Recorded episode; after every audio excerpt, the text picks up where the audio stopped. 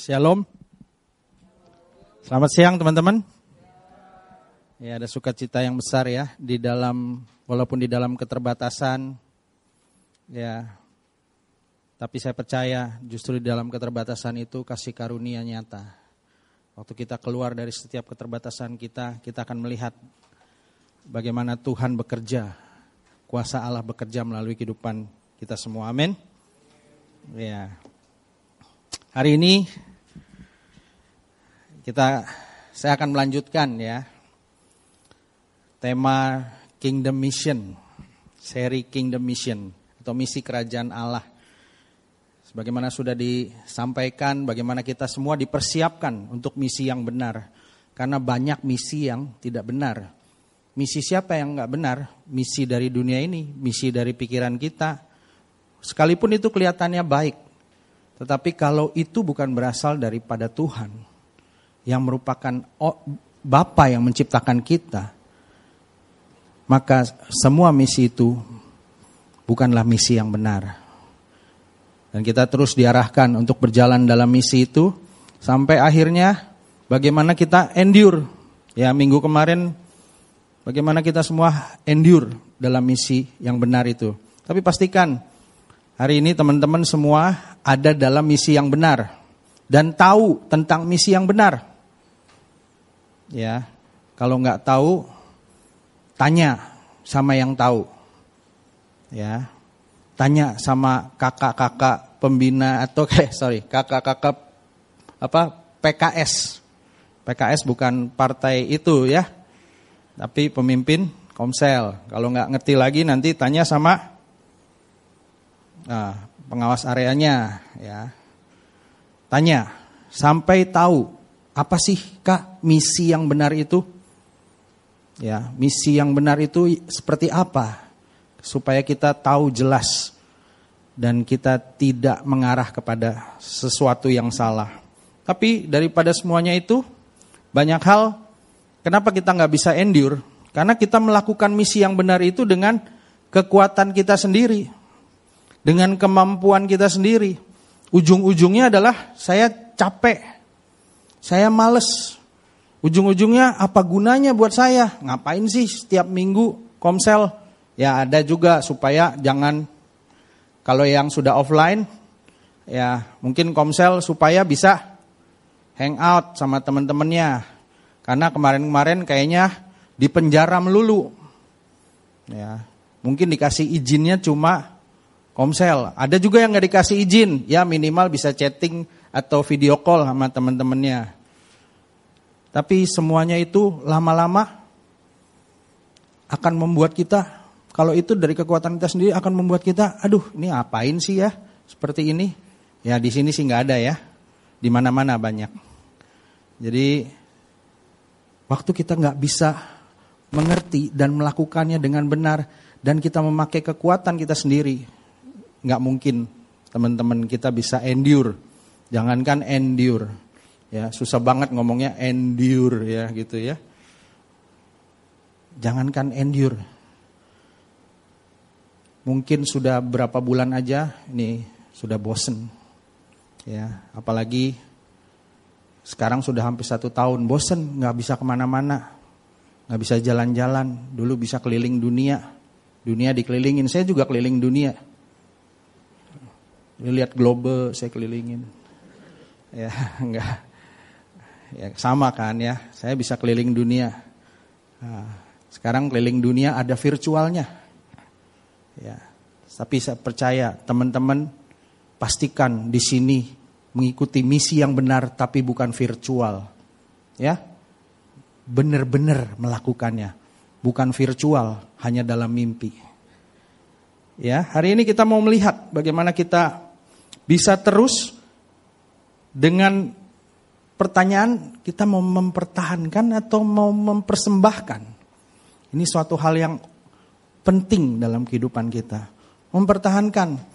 Karena kita dari kecil selalu diajarkan untuk memper, mempertahankan. Ya. Dari kecil ya mungkin nggak kecil ya udah agak besar sedikit. Ya. Itu kan hak kamu. Kamu mestinya pertahankan dong. Misalnya bolpen diambil. Itu hak kamu. Ya, kamu mestinya marah dong. Ya, mulai membela. Ya, dulu suka dibully, ya misalnya teman-teman. Atau suka membuli jangan-jangan ya. Enggak ya di sini enggak ya. Ya suka dibully. Nah mulai di situ berpikir. Sebenarnya bukan soal bully atau bulinya tapi soal respon kita terhadap peristiwa itu. Itu yang penting.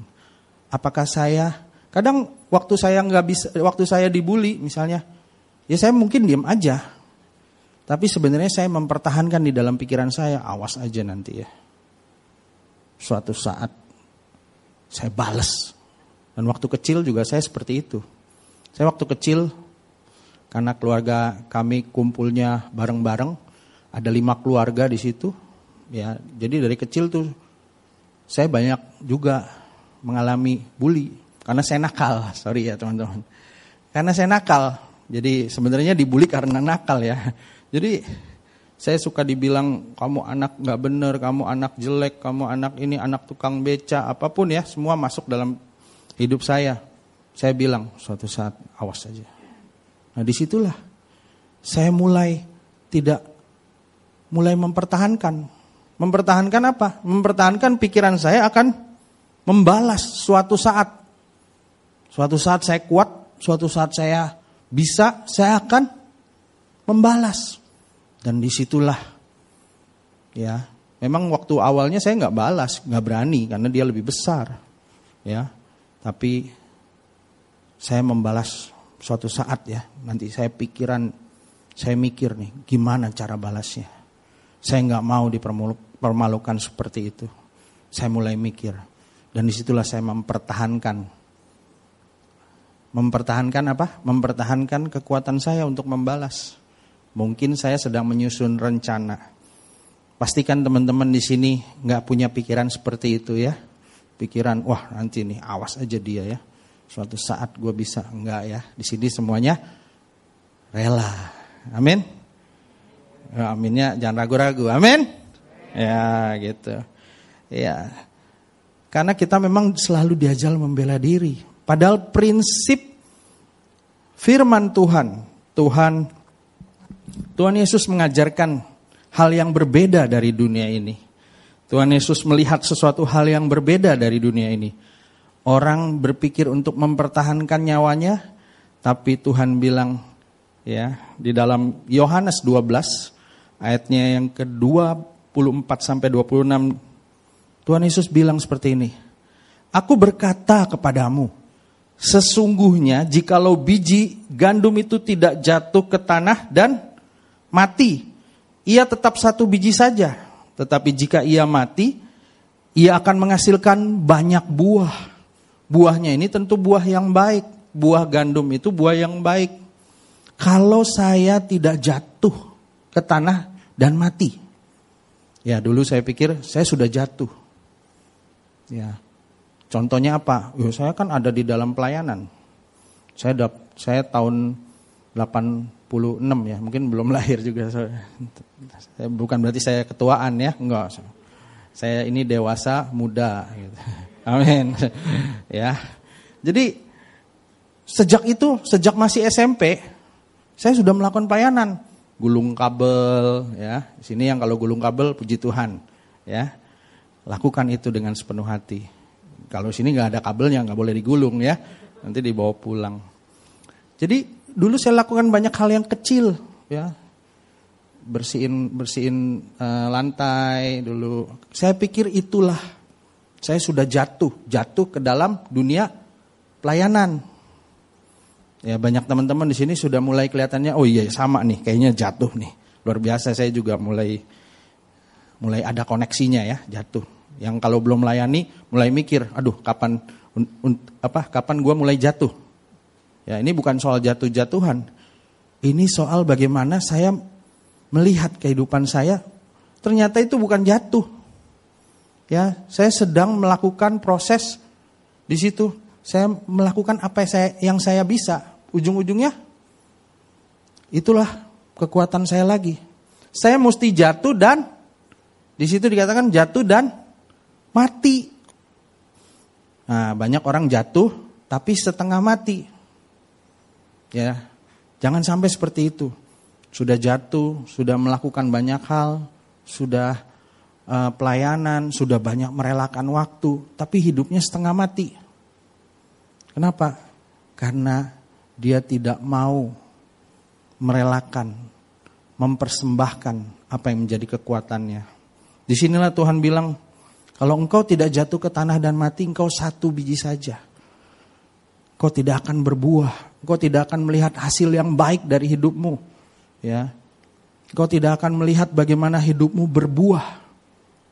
Berbuah itu bukan hanya bicara orang-orang, wah, enggak saya berbuah Kak. Saya ini PKS ya, saya sudah multi 15 kali. Ya, bagus. Kalau ada yang seperti itu. Ya. Bagus kalau ada yang seperti itu.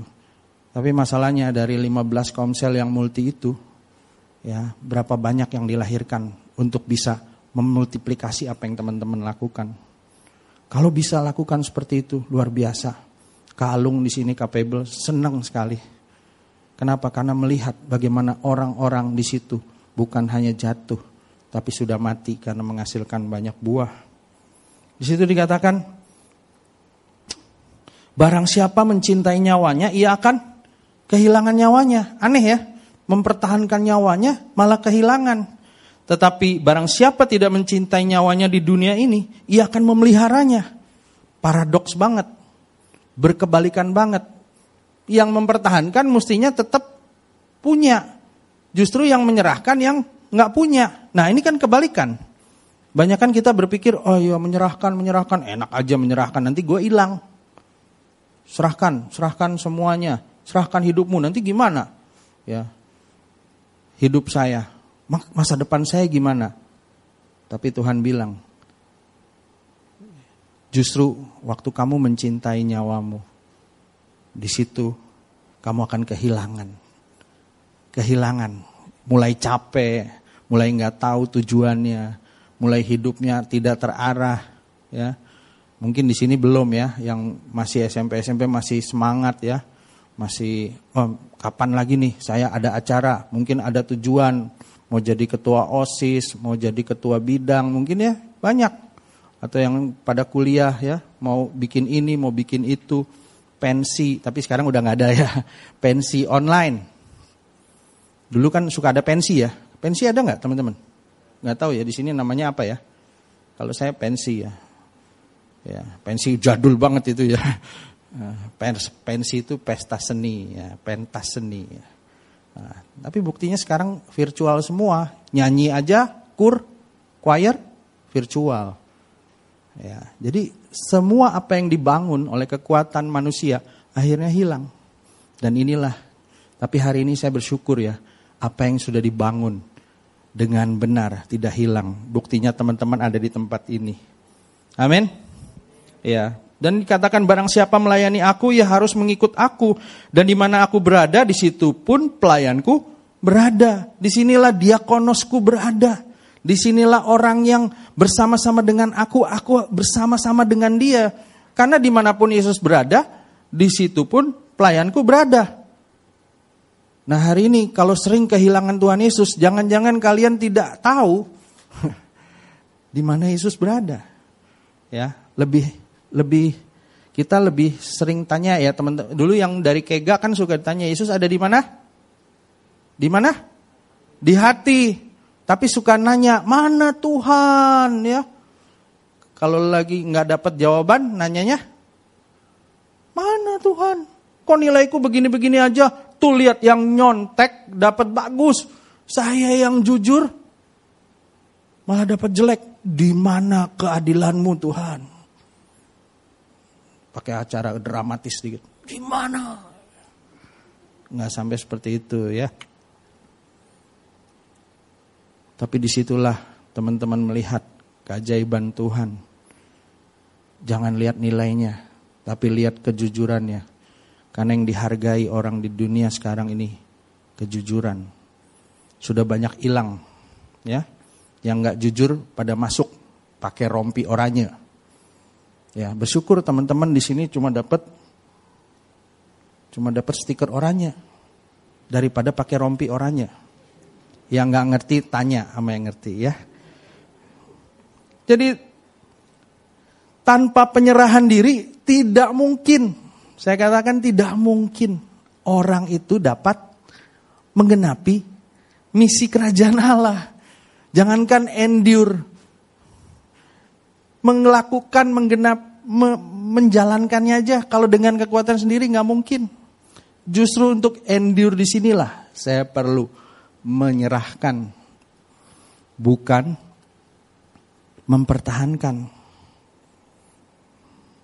Berapa banyak kita sering mempertahankan apa yang menjadi keinginan kita. Ya. Ada yang ngambek kalau nggak dibeliin sesuatu. Ya. Pokoknya iPhone. iPhone berapa? 13 kalau ada. Sekarang iPhone-nya berapa sih? Hah? Wih tahu ya. Luar biasa ngikutin juga. Ya, pokoknya iPhone 12. X Pro. Ya, yang ada matanya tiga. Matanya tiga ya. Nggak tahu sih saya sih. Nggak punya soalnya. ya. Jadi kalau nggak itu saya nggak mau. Berapa banyak kita suka seperti itu. Karena kalau nggak bisa itu nggak bisa streaming, nggak bisa video, video, video call, nggak bisa video conference. Bagaimana saya mau ikut komsel? Kalau nggak ada iPhone itu saya nggak bisa baca Alkitab. Wah banyak terus alasannya, ya. Tapi di sini enggak, ya. Banyak di mana-mana itu. Di sini nggak ada. Dan di situlah saya lihat, saya belajar bagaimana Tuhan ya tanpa penyerahan diri. Bagaimana Tuhan Yesus menyatakan ya bahwa di Yohanes 10 ayat 17 sampai 18 dikatakan Bapa mengasihi aku oleh karena aku memberikan nyawaku untuk menerimanya kembali. Tidak seorang pun lihat, tidak seorang pun mengambilnya daripadaku, melainkan aku memberikannya menurut kehendakku sendiri. Jadi menyerahkan itu bukan bicara soal mentok, teman-teman. Kalau udah nggak ada lagi, ya udah udah mentok, ya udahlah, udahlah. Apa kata PKS? Apa kata Kak aja deh, capable lah. Udah saya nggak tahu mau apa lagi. Bukan, teman-teman. Kalau itu namanya mentok, ya. Namanya apa? Mentok. Tahu nggak mentok? Mentok tuh kalau udah di belakang udah nggak ada nggak ada apa nggak ada jalan lagi itu mentok namanya. Udah nggak ada jalan lagi udahlah, pokoknya terserahlah. Nah itu yang sering kali terjadi. Tidak mungkin orang yang cuma terserah terserah aja itu ikut ikutan aja dapat mengenapi kehendak Tuhan. Nggak mungkin. Tuhan bilang tidak ada seorang pun mengambilnya daripadaku, melainkan aku memberikannya menurut kehendakku sendiri. Apa yang diberikannya? hidupnya, nyawanya diberikan. Aku berkuasa memberikannya dan aku berkuasa mengambilnya kembali. Inilah tugas yang kuterima dari Bapa. Jadi menyerahkan itu sesuatu keputusan. Teman-teman, bukan ikut-ikutan, lagi ngetren nih, rela. Pokoknya tagar rela. Ya, isinya Abalov, Serpong, apa R&D rela, tagar. R&D rela tuh trending topik sampai ke berapa? Ya. Rela, rela, rela. Coba kalau banyak gini, apalagi kalau yang lihat live streamingnya ya, trending topik tagar R&D rela. Pokoknya rela. Rela apa? Ya pokoknya rela lah. Ini mesti rela, itu mesti rela. Semua sudah saya relain. Kok tetap aja doa saya nggak dijawab? Nah, ini nih. Ya. Banyak kita suka ngomongnya seperti itu. Enggak ya, bukan kita ya, sorry saya ngajak-ngajak terus ya. Saya suka ngomong seperti itu. Ya, saya nggak perlu ngajak-ngajak teman-teman ya, enggak. Saya. Saya itu suka seperti itu, ya. Mau rela apa lagi Tuhan? Ini semuanya udah nyanyi juga, kurelakan semuanya, kuserahkan semuanya. Tetap aja. Hidup saya begini-begini aja, perasaan. Tetap aja kayaknya nggak ada kemajuan. tetap aja secara lahiriah kok sayanya? Ya kalau ada orang bilang wah dalam masa ini luar biasa. Ya kok saya dipotong gajinya? Wah berarti kurang doa nih kurang tekun nih kurang cinta Yesus nyanyi lagi ku mau cinta Yesus selam udah nyanyi mau apa lagi Tuhan ya Kok dipotong gajinya tetap? Kok nggak ditambahin? Kok banyak kehilangan? Nah di situlah saya lihat ternyata saya masih banyak mempertahankan. Ya aplikasinya di teman-teman apa? Ya tadi kalau yang pelajar lihat kok jujur ya kan enak tuh kalau lagi online. Kalau nyontek enak kan? Bener ya? Enak nggak? Nggak ada yang tahu ya. Belum ada aplikasinya. Nanti ya yang para pencipta aplikasi ya. Silahkan, janganlah kasihan ya. Uh, pencipta aplikasi silahkan ya. Bagaimana caranya supaya tidak bisa nyontek online. Begitu buka Google Classroom ataupun Zoom atau apa, tidak bisa chatting. Semua mati. itu gimana caranya? Ya, jangan dipikirin, enggak itu cuma ini aja, kasihan. Ya, tapi di situ yang terjadi, ya mulai nggak jujur, ya. Mulai lihat-lihat sedikit, tanya-tanya, ngelain, bukan nge WA ya, nggak nggak nggak aci WA mah, ngelain, ngelain, mulai di line. Nah itulah yang terjadi. Aplikasinya ya di sini ya. Kalau yang udah kerja tadi gajinya dipotong, oh enggak kak, saya tambah banyak berarti saya lebih lebih lebih cinta Tuhan. Kakak berarti nggak cinta Tuhan. Amin. Nggak apa-apa. Ya, itu kan perasaan lo aja. perasaan gue, gue dicintai sama Tuhan. Amin. ya, bukan soal lahiriah. Tapi saya percaya hidup saya dipelihara. Dan di sinilah dikatakan, ya saya melihat bahwa penyerahan diri itu tadi bukan menyerah, pasrah, atau terserah. Ya udahlah, bodoh amat lah apa sih yang lu mau lah, udah ikut aja dah. Nggak lagi nggak ada jalan. Nanti kalau ada jalan, be belok lagi, tikung lagi, ya. Sorry kak, sibuk.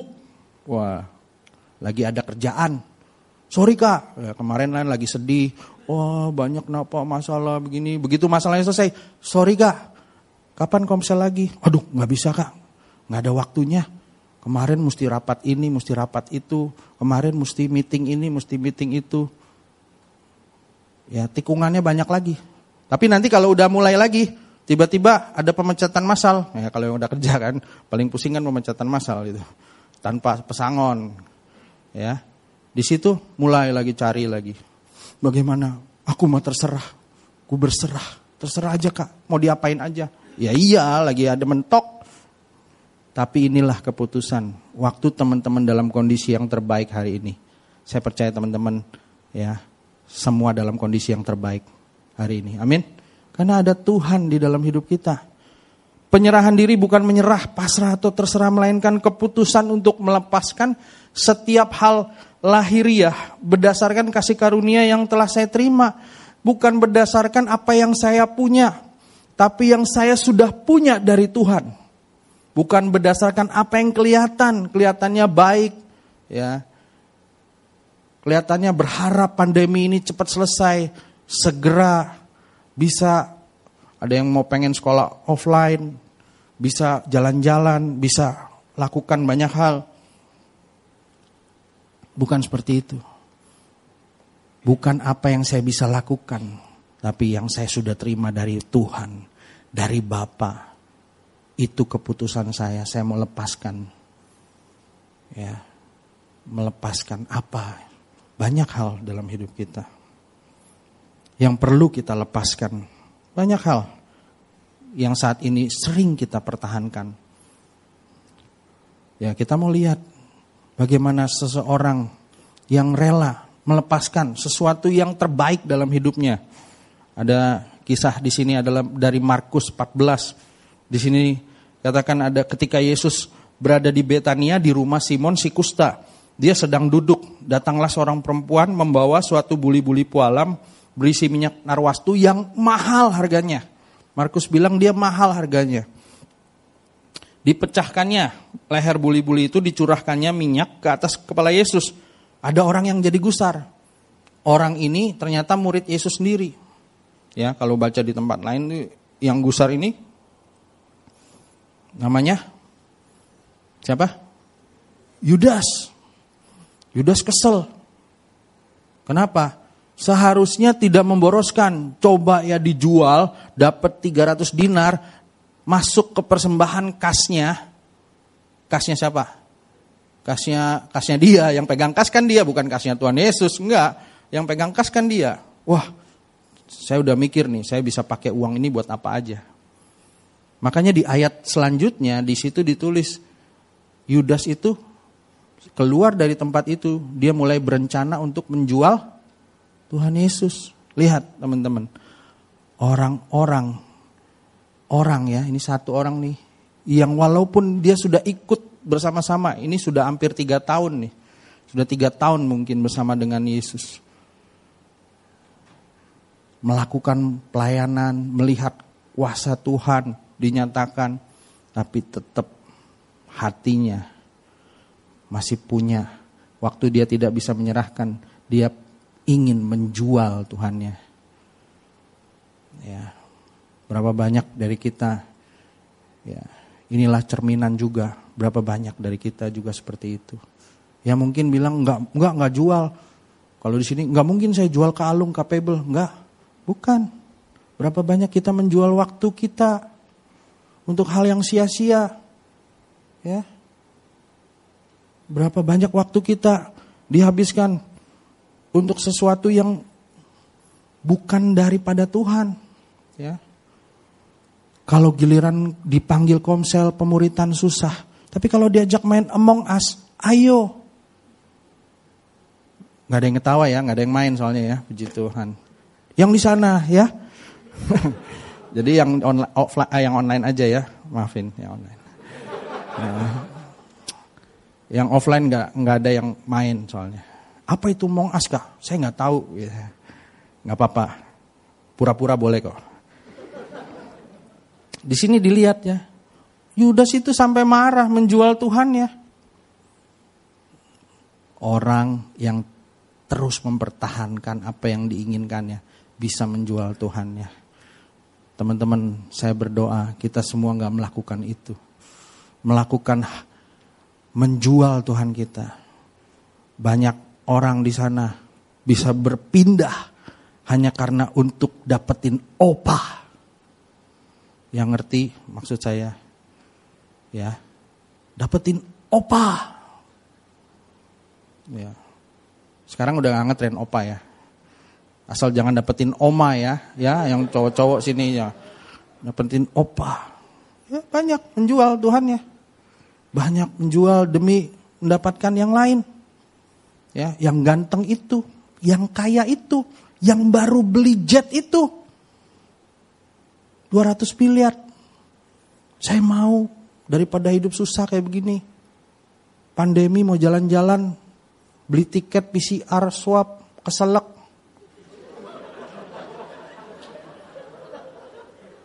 Susah. Inilah pakai jet pribadi. Mau saya kayak gitu, tapi menjual Tuhan. Ya mungkin contohnya ekstrim, tapi teman-teman lihat itulah yang terjadi hari-hari ini. Itulah yang terjadi hari-hari ini. Tapi wanita ini, lihat. Wanita yang mungkin di berita yang lain, di kisah yang lain, wanita ini adalah wanita tunasusila yang berdosa, tapi dia datang memberikan apa yang terbaik dari hidupnya. 300 dinar. Kalau uang sekarang mungkin 30-40 juta. Tapi itu yang terbaik dari hidupnya. Dia persembahkan. Dia buang semuanya itu hanya untuk mempersembahkan kepada Tuhan. Hari ini teman-teman tidak disuruh datang nanti minyak kasih minyak narwastu itu, tapi bawa hidupmu di usia yang muda ini, bawa hidupmu untuk melakukan apa yang Tuhan mau. Di sini dikatakan waktu orang-orang itu marah Yesus bilang, biarkanlah dia. Kenapa kamu menyusahkan dia? Ia telah melakukan suatu perbuatan baik padaku. Karena orang miskin selalu ada padamu. Orang miskin selalu ada padamu. Ya. Orang-orang mikirnya ini kan baik. Yudas kan baik. Orang miskin selalu ada padamu. Tapi apa yang dilakukannya, ya? Apa yang dilakukannya ini justru membuat mem, sebagai tubuhku diminyakinya sebagai persiapan. Dan aku berkata kepadamu sesungguhnya di mana saja Injil diberitakan seluruh dunia, apa yang dilakukannya ini disebut juga untuk mengingat dia. Luar biasa. Ya. Dia tidak disebut namanya. Tapi yang disebut adalah perbuatannya. Teman-teman mungkin nanti suatu saat apa yang teman-teman lakukan, nolong hidup orang mungkin atau sekarang sedang ditolong supaya nanti bisa menolong hidup orang itu nggak akan diingat. Tapi ingat, perbuatan kalian akan dicatat dan di mana saja kabar baik diberitakan. Kalau ada satu orang ya ditolong, dimuridkan dan hidupnya diperbaharui, lalu dia menginjil, menyatakan kasih itu kepada orang-orang lain, di situlah kabar sukacita itu diberitakan. Sama perbuatan kalian akan dicatat oleh orang ini dan orang ini akan berkata, "Dulu saya kacau hidupnya, tapi untung ada teman saya datang mengajak saya. Saya hampir bunuh diri, tapi untung dia datang dan mengasihi saya, memberi saya harapan dan hari ini saya juga mau memberi harapan padamu." Mungkin apa yang teman-teman lakukan cuma sekedar nelpon dan doain, tapi lakukanlah itu. Ya, banyak orang tuh tidak mau lakukan hal-hal yang kecil, maunya lakukan hal-hal yang besar. Tapi sebenarnya waktu kita melakukan hal-hal yang kecil, perbuatan kita dicatat. Amin. Kecil. Yudas sudah tiga tahun nemenin Yesus. Mestinya perbuatannya lebih besar. Tapi ingat, yang dicatat perbuatannya adalah wanita ini cuma ngucurin minyak kelihatannya remeh, ya. Tapi itulah yang dihargai oleh Tuhan. Waktu kita tidak lagi mempertahankan apa yang menjadi milik kita. Di situlah terjadi suatu hal yang luar biasa, mana perbuatan kita dicatat. Dicatat di mana Injil diberitakan, di mana kabar sukacita itu diberitakan hari ini teman-teman bisa melihat bahwa wanita ini juga diberitakan ya. Jadi waktu kita melihat bagaimana hidup kita untuk menggenapi kerajaan Allah, untuk menggenapi misinya. Yang pertama-tama ya kita lihat tadi bagaimana dia merelakan mempersembahkan, tidak lagi mempertahankan sesuatu yang mungkin dia berharga yang sangat berharga buat dia. Dia pecahkan itu. Apakah yang belum, apakah yang dipecahkannya? Buli-buli. Dan hari ini apa yang dipecahkan dalam hidup kita? Rasa terbatas. Kita merasa terbatas. ya Atau yang perlu kita buang apa lagi? Kesombongan, kehebatan. Oh saya nggak punya itu kak. Rasa minder, buang. Rasa rendah diri, buang. Rasa merasa tidak diperlukan, nggak penting saya. Nggak ada gua pun nggak apa-apa. Orang juga toh nggak nyadar kalau nggak ada saya. Ya banyak tuh. Ah urusan ke Alung mah eh, nggak uh, penting juga lah. Kan banyak yang sayang ke Alung misalnya. Enggak seperti itu teman-teman. Waktu kita menyatakan orang ini, misalnya ada orang yang perlu ditolong ya padahal itu teman sendiri ah udahlah itu paling oh, teman-teman R&D juga udah bisa tahu udah bisa melakukannya merasa itu keterbatasan saya nggak bisa ngomong apalagi sebutkan semua keterbatasan teman-teman di situlah waktu teman-teman serahkan dan pecahkan teman-teman lihat bagaimana teman-teman diperbesar kapasitas hidupnya ya kapasitas hidup sesuatu yang di dalam hidup kita makin besar, makin banyak yang bisa kita tampung. Ya. Kalau teman-teman punya tendanya cuma satu orang, ya seberapa rajin pun ngajak orang, ya orang itu akan tetap di di luar, ya. Eh silakan, silakan, silakan, di luar aja. Kenapa? Karena terus akhirnya kehujanan, akhirnya kepanasan, lama-lama kabur. Nah di sini lihat ya, banyak teman-teman mungkin yang PKS merasa kok komselnya kabur-kaburan terus nih orangnya. Kok nggak ada orang ya mau ke komsel ini? Kok nggak ada orang ya? Aneh juga ya. Padahal saya banyak ngubungin orang. Kok nggak ada yang tembus ya? Kok tembus? Emang nembak. Ya, tapi itu yang terjadi. Dan teman-teman mulai putus asa. Nah di sinilah kita lihat ya perbesar kapasitas. Kok ngajak orang nggak ada yang mau ya? Perbesar kapasitas. Makin kita perbesar tenda kita, makin banyak orang yang mau datang. Ya, nggak perlu ada kehujanan, ada masalah, ada apa pun, orang pasti akan masuk. Bener? Kalau tenda kita besar. Tapi kalau tendanya kecil, ya udah cari yang orang akan mencari yang tendanya besar. Perbesar kapasitas hidupmu. Apalagi teman-teman?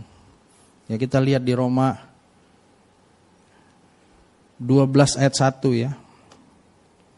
Situ katakan karena itu saudara-saudara demi kemurahan Allah aku menasihatkan kamu supaya kamu mempersembahkan tubuhmu sebagai persembahan yang hidup.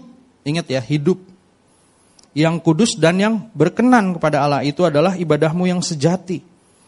Jadi kita perlu menyerahkan pikiran dan perasaan kita Tubuh itu bicara soal pikiran, perasaan. Kalau badan mengikut aja ya. Kalau pikiran perasaan kita lagi galau, badan ikut sakit, gak enak. Rasanya mau pergi juga susah. Makanya serahkan pikiran itu. Banyak pikiran-pikiran kacau. Apalagi hari-hari ini. Terus ya sudah berapa sudah berapa juta ya terus ditaruhkan pikiran kacau terus. Sekalipun itu kebenar apa ke, apa sesuatu yang kelihatannya benar, tapi bukan kebenaran firman, ya jangan ditaruhkan, serahkan. Letakkan. Jangan bawa dalam pikiran kita. Apalagi di di share. Ya. Persembahkanlah tubuhmu sebagai persembahan yang hidup yang kudus. Serahkan tubuhmu. Dan yang terakhir dalam memperbesar kapasitas hidup adalah ya sama seperti orang yang menemukan harta karun lalu pergi menjual seluruh miliknya. Karena dia merasa semua yang dia miliki tidak sebanding dengan apa yang dia temukan. Seberapa banyak kita melihat bahwa apa yang sekarang ada itu justru ya di dalam perjalanan ini malah ah ini mah kan gara-gara bokap gua disuruh, gara-gara nyokap gua. Mungkin papa mamanya PKS, anaknya didorong-dorong. Ayo, lu ikut lu. Sana. Ya, Arendi. Ya, ini sih gara-gara papa, gara-gara mama. Ya, Nggak ada, nggak ada di sini yang online ya. Nggak, ya, yang di sini semuanya semangat. Jangan seperti itu teman-teman. Ya. Serahkan harta kepemilikan tuh bicara bukan uang, bukan hanya uang. Uang itu cuma bagian kecil, tetapi apa yang teman-teman anggap penting itulah harta kepemilikan. Hari ini pikirkan apa yang teman-teman anggap penting di dunia ini masa depan, pekerjaan, kalau yang ini nilai, bagaimana nilai saya bisa bagus, supaya saya bisa masuk sekolah yang baik, terbaik, apalagi kalau nggak terbaik, mungkin saya tidak dicintai papa mama lagi. Ya. Kalau teman-teman mau beri yang terbaik bukan karena takut. Kalau beri yang terbaik karena sayang. Karena mengasihi Tuhan, beri yang terbaik. Bukan karena ketakutan. Harta pemilikan itu bicara sesuatu yang sangat penting. Teman-teman tahu nggak yang penting itu apa? Dulu yang penting itu buat saya nih, ya, saya ini seorang yang banyak pencapaian, ya, seorang yang sangat ingin berprestasi, dan saya buktikan. Tapi setiap kali, ya dalam perjalanan saya, saya sekarang eh, beberapa waktu yang lalu di dalam hidup saya melakukan panggilan Tuhan, ada juga pikiran, iya ya, ngapain gue ya? Kan gue orang yang cukup pintar, ya, berprestasi. Wah, kalau ketemu apalagi eh, alumni atau reuni ya, wah ini Didi nih yang dulu pintar nih, yang ini. Dan yang diharapkan dari mereka adalah kalau orang pintar harus harus apa? Sukses. Sudah punya jet pribadi. Ya. Semua yang pribadi-pribadi, berkepribadian. Rumah pribadi, mobil pribadi, jet pribadi mestinya orang-orang pintar diharapkan seperti itu. Ya. Dan itu menjadi tekanan buat hidup saya. Bahkan mungkin keluarga saya sendiri menekan. Ya. Orang-orang melihat kamu kan mestinya lebih baik, kamu kan mestinya lebih bagus, kamu mestinya lebih hebat dari sekarang. Kenapa kamu kelihatannya seperti ini? Itu ada dalam pikiran saya. Tapi waktu itu saya bilang, saya belajar mempersembahkan. Saya belajar tidak mempertahankan itu. Saya belajar menaruhkannya. Gak apa-apa kalau hari ini saya dianggap bodoh oleh manusia. Hari ini saya dianggap tidak berhasil. Hari ini dianggap tidak sukses. Tapi orang yang kalian anggap tidak berhasil, bodoh dan sukses ini melakukan apa yang Tuhan mau. Jangan jadi beban teman-teman. Kalau teman-teman berprestasi jangan jadi beban. Lakukanlah karena itu suatu hal yang dari dalam, bukan karena kekuatan kita.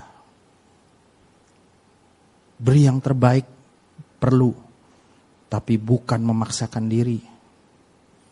Ya, sehingga teman-teman juga tidak melihat kasih karunia. Jual segala miliknya. Ya, jangan pulang nanti jual iPhone-nya nggak apa-apa, nggak usah. Ya, tetap aja. Maksudnya jual segala sesuatu yang kalian anggap penting. Yang kedua, dalam Efesus 4 ayat 13 ya, untuk menggenapi ini ya dan Markus 14 tadi. Untuk menggenapi ini menggenapi misi kerajaan Allah ya, kita perlu dibangun juga punya kualitas tadi. Kualitas yang serupa dengan Kristus dewasaan penuh. Penuh itu apa? Utuh, nggak cacat, nggak ada bolongnya. Penuh itu artinya teman-teman melihat bahwa hidup teman-teman itu tidak bocor lagi. Bocor apa? Ya kadang-kadang suka sedih, ya nggak habis-habis. Bocor apa lagi? Kadang-kadang kok suka minder, kadang-kadang suka sombong ya. Kadang-kadang kalau dikasih tahu suka membela diri karena merasa dia lebih pinter. Nah, saya juga kayak gitu. Beberapa waktu yang lalu saya pernah dikasih tahu, ya. Tiba-tiba saya kok ngerasa tiba-tiba orang yang memuridkan saya bilang gini, "Di, kamu perlu aman sama saya." Kenapa? Mungkin saya suaranya sebenarnya pelan, tapi sebenarnya saya sedang ngegas. Ya, waktu itu sedang bicara soal diskusi sedikit soal uh, hal perihal di YouTube, saya seolah-olah saya yang paling tahu. Wah, per YouTubean, padahal jadi YouTuber enggak. Saya paling selalu paling tahu, ini begini loh kak, begini loh kak. Dan mulai kelihatan bahwa saya mulai membela diri saya sendiri. Dan melihat bahwa saya ini nih bisa, saya ini tahu. Nggak perlu kamu kasih tahu. Berapa banyak kita juga seperti itu. Teman-teman waktu saya sadar ya, waktu waktu pemurid saya ngomong bilang kamu perlu aman. Iya ya. Kenapa saya seperti itu ya? Kenapa saya perlu membela diri saya? Kenapa saya perlu menunjukkan bahwa saya ini hebat? Kenapa saya perlu menunjukkan bahwa saya ini bisa? Toh ini kan cuma diskus, tidak ada serang menyerang. Berapa banyak juga teman-teman yang merasa hal itu. Taruhkan, bangun kualitasnya bukan kualitas saya, tapi kualitas Kristus. Yang walaupun dalam rupa seorang hamba, yang walaupun dalam rupa Allah tidak melihat Allah itu sebagai suatu milik yang harus dipertahankan, melainkan mengosongkan dirinya. Siapakah saya? Harus menyombongkan diri. Kalau dikasih tahu, diajak diskusi, ya seharusnya saya santai aja dong. Ngapain ngegas? Iya, saya baru sadar. Ternyata itu yang banyak saya pertahankan. Saya melihat kualitas saya hebat. Padahal saya tidak punya kualitas seperti Kristus yang mau merendahkan dirinya. Jadi teman-teman, bangun kualitas Kristus, bukan kualitas saya. Teman-teman mau jadi pribadi yang berkualitas, pribadi kualitas seperti Kristuslah yang diinginkan oleh Bapa. Bukan kualitas yang diinginkan oleh dunia yang hebat, yang bisa ini, bisa itu, segala sesuatunya bisa. Tapi hidupnya merana. Ya, bangun kualitas itu. Kerjakan apa yang bisa teman-teman kerjakan. Jangan terlalu banyak hal-hal yang muluk hiduplah setara dengan Injil. Karena dikatakan wanita ini juga melakukan apa yang dia dapat lakukan. Banyak kita berpikir harus bisa begini, baru bisa begitu, baru bisa dianggap orang. Ya. Jangan seperti itu. Justru datang. Kak, saya rela, saya mau. Apa yang bisa saya bantu? Apa yang bisa saya tolong? Ya mungkin nggak ngerti diarahkan, waktu ditolong diarahkan, ya mulai rela diarahkan. Oh ya saya mau kak ditolong. Iya kalau kalau saya salah, saya mau kak ditegur. Berapa banyak teman-teman punya kerelaan itu untuk ditegur? Karena kebanyakan kita mempertahankan diri supaya kita kelihatan hebat dan tidak mau ditegur, tidak mau diarahkan. Saya bisa kok sendiri. Saya sudah hebat kok sendiri. Taruh itu. Letakkan itu di hadapan Tuhan. Jangan pertahankan itu. Dan yang terakhir teman-teman ya.